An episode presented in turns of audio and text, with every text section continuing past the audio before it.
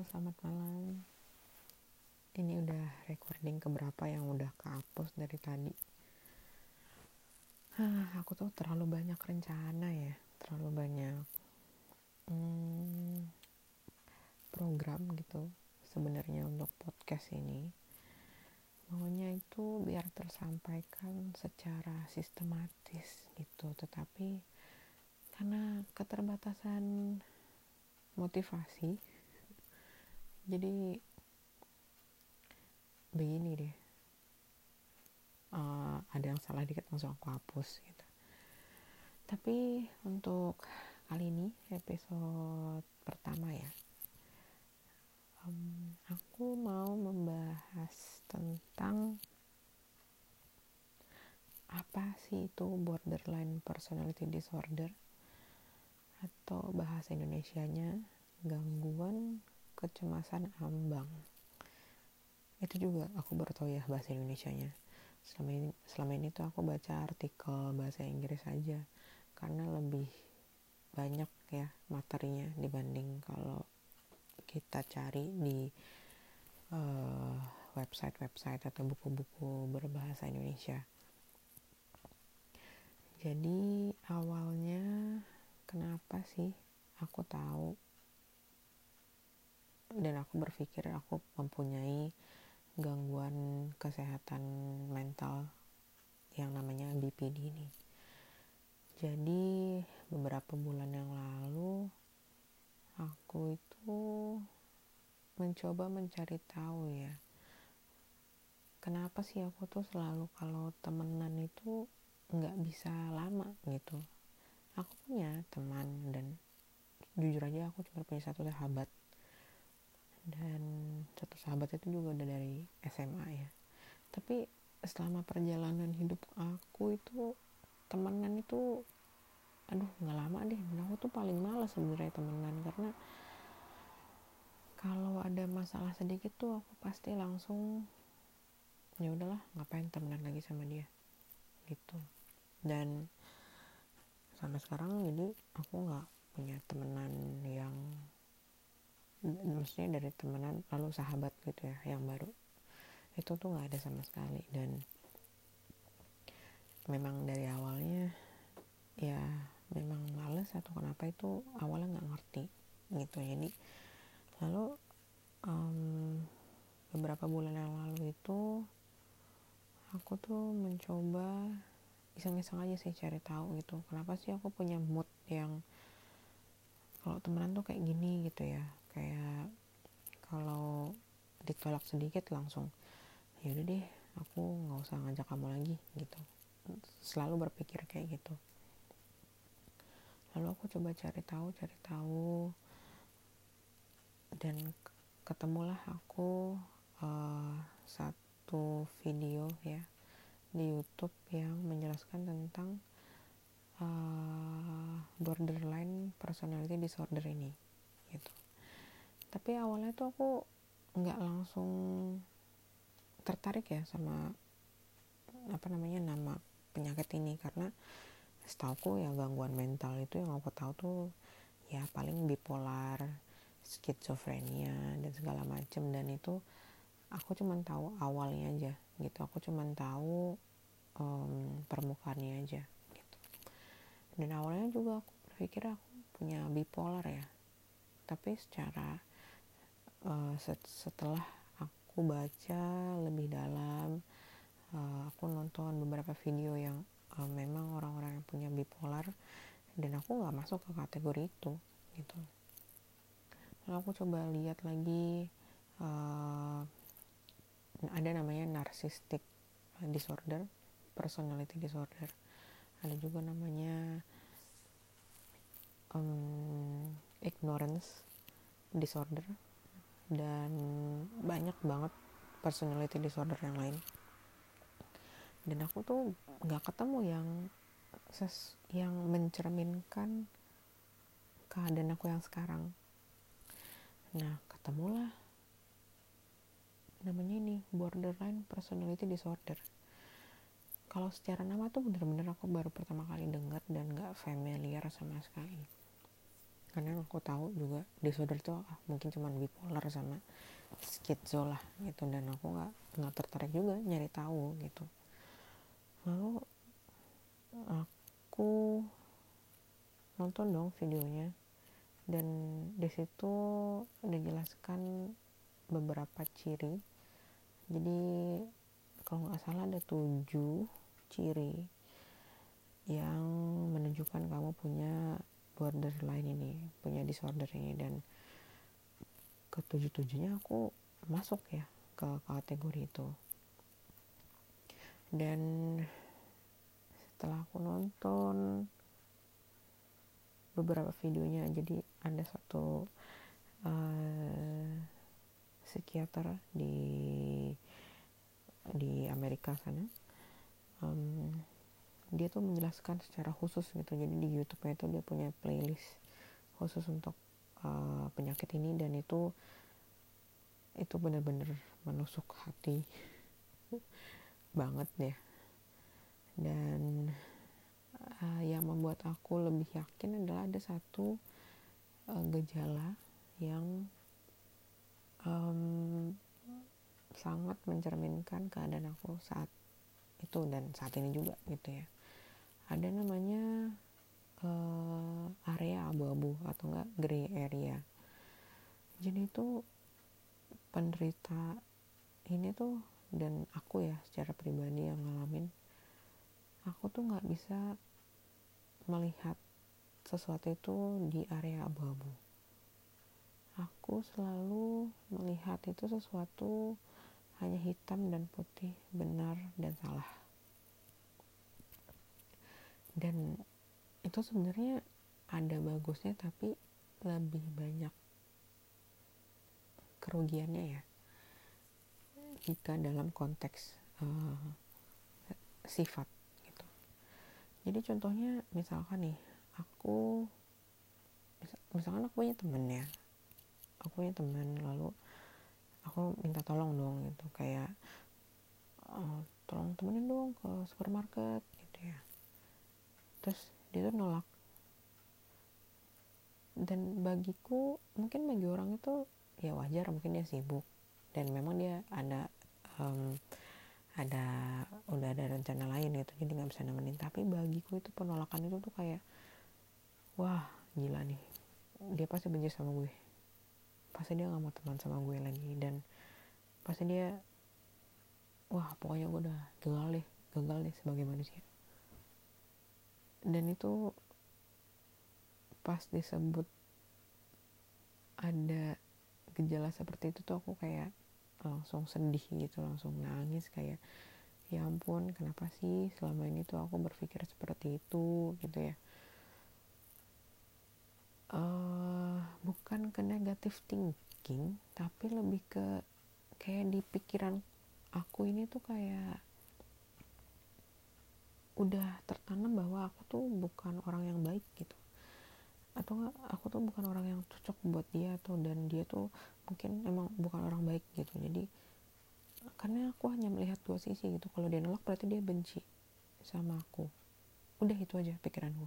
Kalau dia uh, uh, apa namanya dia terima berarti dia suka sama aku. Ah pasti dia ada perasaan sama aku sama aku gitu ya dan itu yang bahaya banget gitu. Jadi itulah yang aku pikir tuh oh mungkin aku selama ini selalu salah tanggap ya sama orang itu orang baik sedikit baper dipikir suka. Pasti banyak kayak yang kayak gitu ya. Dibaikin dikit dipikir dia suka sama kita gitu ya. Pasti banyak lah ya maksudnya manusia-manusia di luar sana seperti itu. Dan ketika aku denger gejala seperti itu aku tuh langsung flashback ke maksudnya ke masa muda aku ke kehidupan kehidupan aku ya sebelumnya gitu. Oh ternyata aku seperti ini ya gitu. Nggak bisa netral gitu. Aku tuh aku tuh nggak bisa apa namanya memaklumi area yang istilahnya nggak jelas gitu ya jadi istilahnya ya lo kalau mau temenan lo harus temenan sama gue terus gitu. Kalau lo gak mantan sama gue ya udah. Berarti lo benci sama gue kita pisah. Kayak gitu. Dan yang lebih parahnya lagi ya aku tuh kalau misalkan aku tuh orangnya self conscious banget dan itu termasuk dalam uh, ciri-ciri BPD ya. Um, misalkan nih aku masuk ke suatu ruangan atau nggak aku uh, naik angkutan umum ya aku naik kereta aku tuh selalu merasa aku aku tuh diperhatikan gitu kayak kayak kegeeran aja entah kenapa gitu. Kayak aduh aduh kayaknya aku diliatin deh dari jauh kayaknya kayaknya mereka semua natap aku dan nunggu aku jatuh atau keselengkat atau salah ngomong atau mungkin di bajuku tuh ada yang ngegantung atau apa gitu itu tuh pikiranku tuh udah jalan sendiri dan itu tuh aku alami itu udah sampai bertahun-tahun dan itu melelahkan banget jujur dan apa namanya itu emang gak baik banget buat kesehatan jiwa. Padahal sebenarnya itu aku tuh jalan biasa aja dan gak ada ngeliatin aku dan gak ada apa namanya gak ada yang mikirin aku gitu. Cuman aku pikir tuh di otakku itu aku selalu berpikir bahwa wah mereka pasti benci sama aku deh ih pasti mereka ngeliatnya ih jijik apaan sih? Kayak gitu. Itu aneh banget ya. Maksudnya emang otak manusia itu memang paling powerful di antara anggota tubuh yang lain. Karena di situlah tercipta pikiran-pikiran yang luar biasa ide-ide yang bahkan yang gak terfikirkan dan juga tempat untuk banyak pikiran-pikiran yang negatif bahkan yang pikiran-pikiran gelap yang kadang itu kita nggak bisa kontrol gitu. Jadi hidup dengan cara berpikir seperti itu itu sangat-sangat melelahkan. Nah kembali lagi ya ke BPD ini gitu. Jadi jadi yang selama ini aku rasain gitu seperti misalkan penolakan aku tuh nggak bisa nerima penolakan gitu.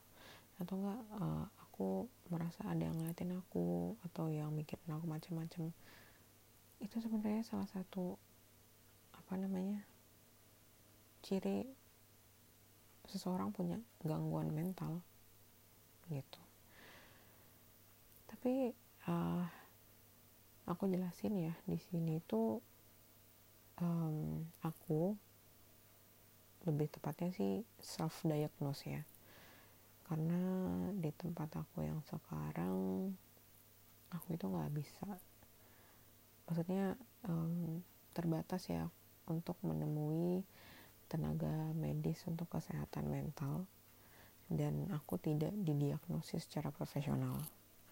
Tetapi aku self diagnose dan aku merasa ketika aku menemukan um, apa namanya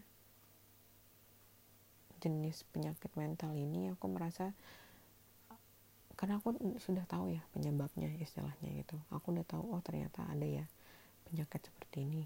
Dan itu membuat aku untuk mencoba untuk lebih baik dan untuk mencoba untuk apa namanya aku tuh nggak mau punya penyakit ini. Siapa sih yang mau punya penyakit mental gitu ya?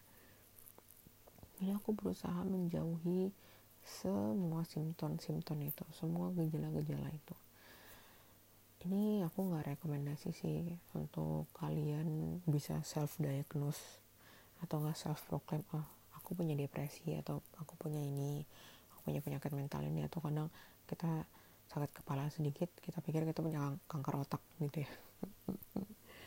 Kan banyaknya orang kayak gitu. Termasuk aku juga sih. Gitu. Jadi um, aku nggak merekomendasikan untuk self diagnose tetapi bagiku sendiri ya um, cara ini jujur aja membantu aku untuk hidup lebih baik lagi gitu. Karena um, keterbatasan aku ini itu sangat-sangat mempengaruhi kehidupan ke sosial aku sih utamanya ya karena aku jadi gampang nyerah gitu jadi gampang ya udahlah kalau dia nggak mau teman sama aku ya mungkin aku tidak berguna. Mungkin dia punya teman lain. Jadi udah pikiran-pikiran kayak gitu tuh setiap aku punya pikiran seperti itu sekarang aku mencoba aku ketok aku ketok aja kepalaku gitu ya hus jangan berpikir seperti itu. Gitu kita harus lawan. Aku tuh harus lawan pikiran seperti itu. Lalu uh, itu itu gejala pertama ya yang aku anggap uh, ada di diri aku. Lalu gejala yang kedua adalah um, orang favorit. Ini ada hubungannya sih dengan yang pertama ya jadi orang favorit itu jadi ketika misalkan aku sudah punya teman nih atau enggak keluarga ya um, aku tuh selalu membenarkan dia apa pun yang dia lakukan itu bagiku itu selalu benar. Karena apa? Karena dia itu selalu ada buat aku. Gitu. Atau aku seperti kasarnya ya mengagung-agungkan sosok orang ini gitu. aku bisa benci aja sama orang ini tapi aku nggak bisa menghilangkan apa namanya uh, rasa atau perasaan aku ke dia itu bahwa dia orang favorit aku itu aku nggak bisa hilangkan. Karena ini aku alamin ya dulu. Hmm, jujur aja dulu salah satu anggota keluarga aku uh, let's say aku um, jujur aku dulu sangat sangat apa namanya percaya banget sama mama aku. Ya wajar sih ya. Cuman udah lebih ke tingkatnya itu udah lebih udah nggak sehat gitu. Kalau sekarang sih udah baik-baik ya untungnya semuanya sudah baik normal. Hubungan kami pulih gitu ya. Cuman dulu itu ya aku itu berpikir bahwa mama aku ini orang yang paling benar sedunia.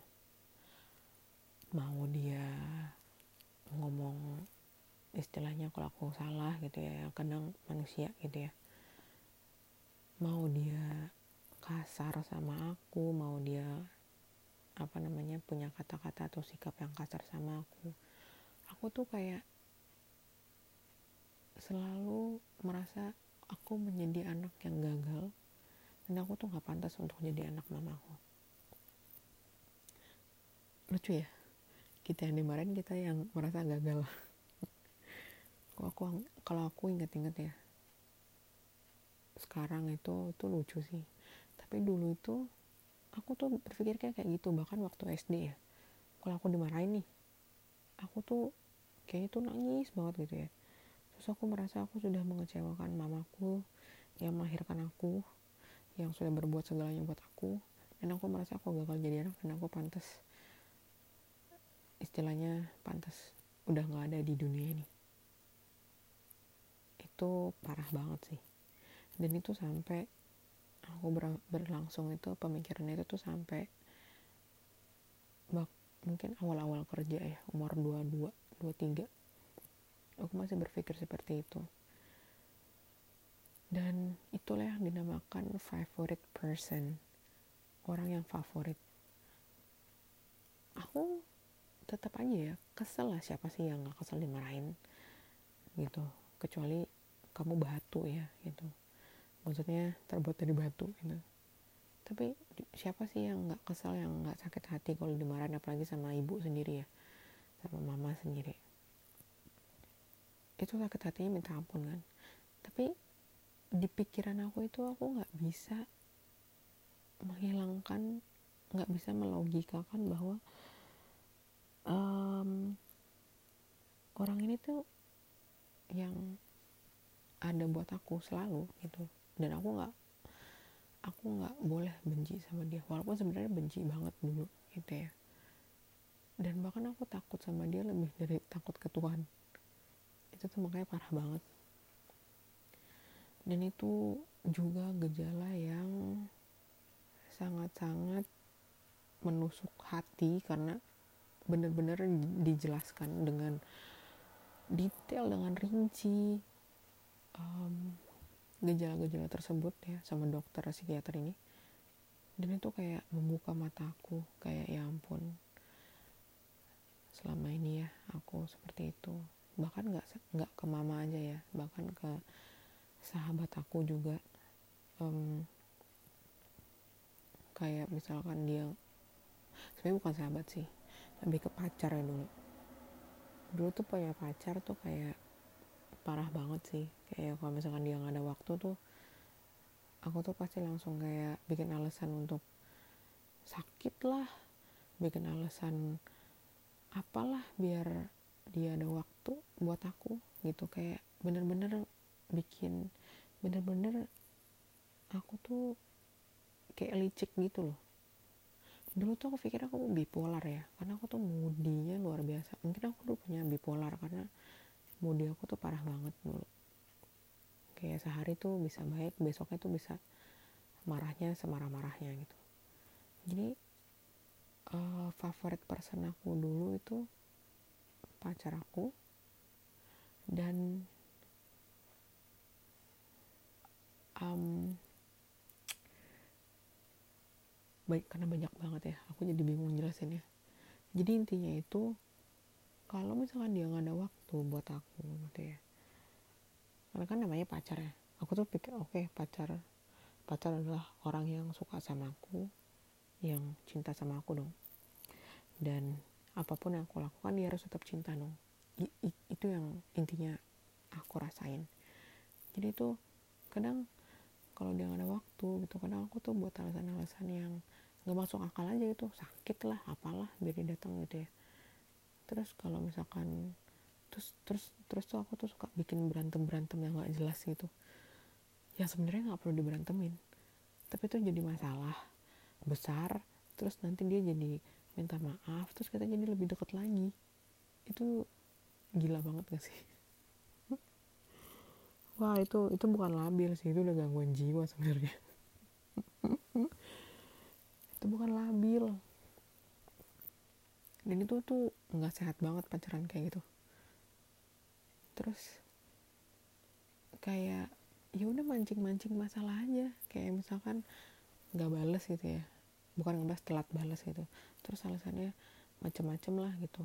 Aku tahu gitu maksudnya dia jujur gitu. Cuman akunya aja yang nyari masalah gitu.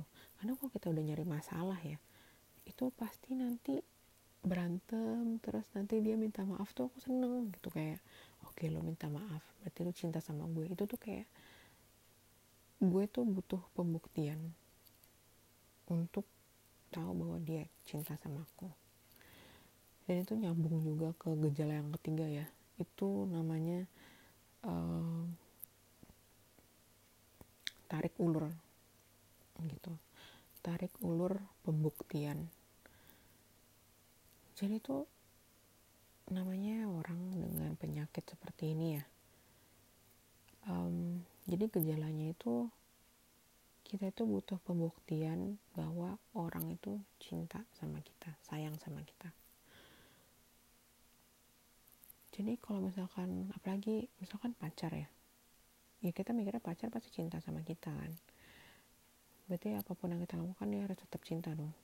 Dan itu kalau misalkan udah ada hari-hari yang kayak udah mulai garing gitu udah mulai udah nggak ada kayak uh, sayang-sayangan lagi. Itu pasti aku tuh nyari masalah. Aku nyari masalah terus dia minta maaf terus aku jadi merasa aku dicintai lagi. Dan itu berantem itu nggak nggak yang receh-receh itu bisa yang bisa yang sampai nangis-nangis gitu akunya gitu. Dan itu sebenarnya bahaya banget sih gitu. Dan aku kasihan juga sih pacar aku dulu ya gitu. Dia mikir aku pernah nanya uh, baru-baru ini gitu. Dia pikir aku tuh bipolar dulu. Padahal mah ya borderline gitu. Tapi kan dulu karena nggak tahu ya. Gitu jadi tarik ulur untuk pembuktian gitu bahwa oh ini orang kalau misalkan aku nyari masalah terus dia minta maaf berarti dia masih sayang sama aku dia masih cinta sama aku.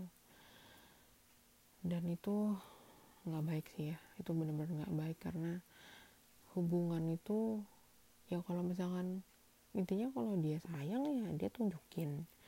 Kalau dia nggak sayang dan nggak ada waktu kalau dia punya alasan yang valid ya kita bisa terima gitu.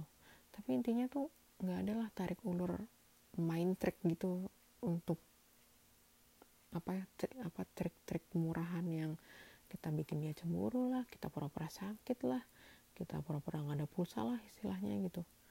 Itu tuh itu gak, udah bukan hubungan yang sehat lagi gitu.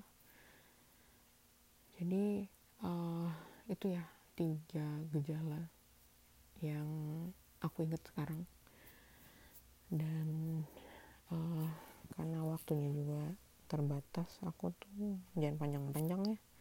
Nanti aku pressure gitu. Nanti podcast selanjutnya biar nggak kepanjangan juga. Karena jujur saja saya sangat masih sangat mudi sedikit gitu. Kalau misalkan ada yang baik gitu ya hariku ya aku bisa cerita gitu kadang kalau lagi hari kurang baik gitu mau ngapain juga males banget gitu tapi mesti dilawan sih emang males itu. Tapi ya namanya plus lagi musim pandemi gini ya. Males itu jadi males itu udah bukan sifat lagi udah udah bagian dari kehidupan. Gitu jadi uh, jangan diambil bulat-bulat ya apa yang aku omongin. Karena ini pengalaman pribadi aku beberapa orang mungkin pengalamannya berbeda tetapi intinya adalah um, kalau kita punya kita merasa ada yang salah dengan diri kita itu memang sebaiknya kita cari tahu supaya apa supaya ya selesai masalahnya supaya kita tahu kenapa sih kita berbuat seperti ini kenapa sih kita berpikir seperti ini gitu.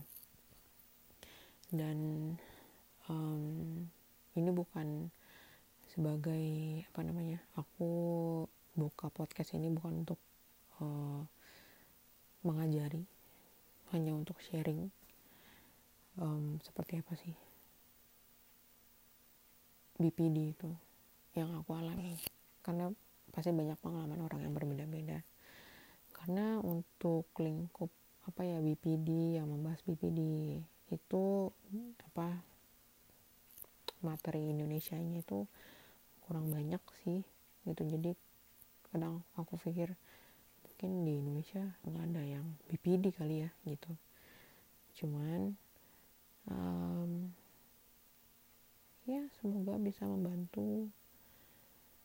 Karena hmm, ya di zaman seperti ini ya banyak orang aneh-aneh. Jadi sebelum kita ikutan jadi aneh kita harus bisa melengkapi diri kita sendiri untuk menghadapi orang-orang aneh. Ngomong apa sih? Gitu. Jadi sekian uh, sampai jumpa di podcast selanjutnya. Semoga um, bisa istirahat dengan nyenyak. Kita jumpa lagi di podcast berikutnya. Pengalaman apa selanjutnya yang bisa aku share? Hihi. Oke sampai jumpa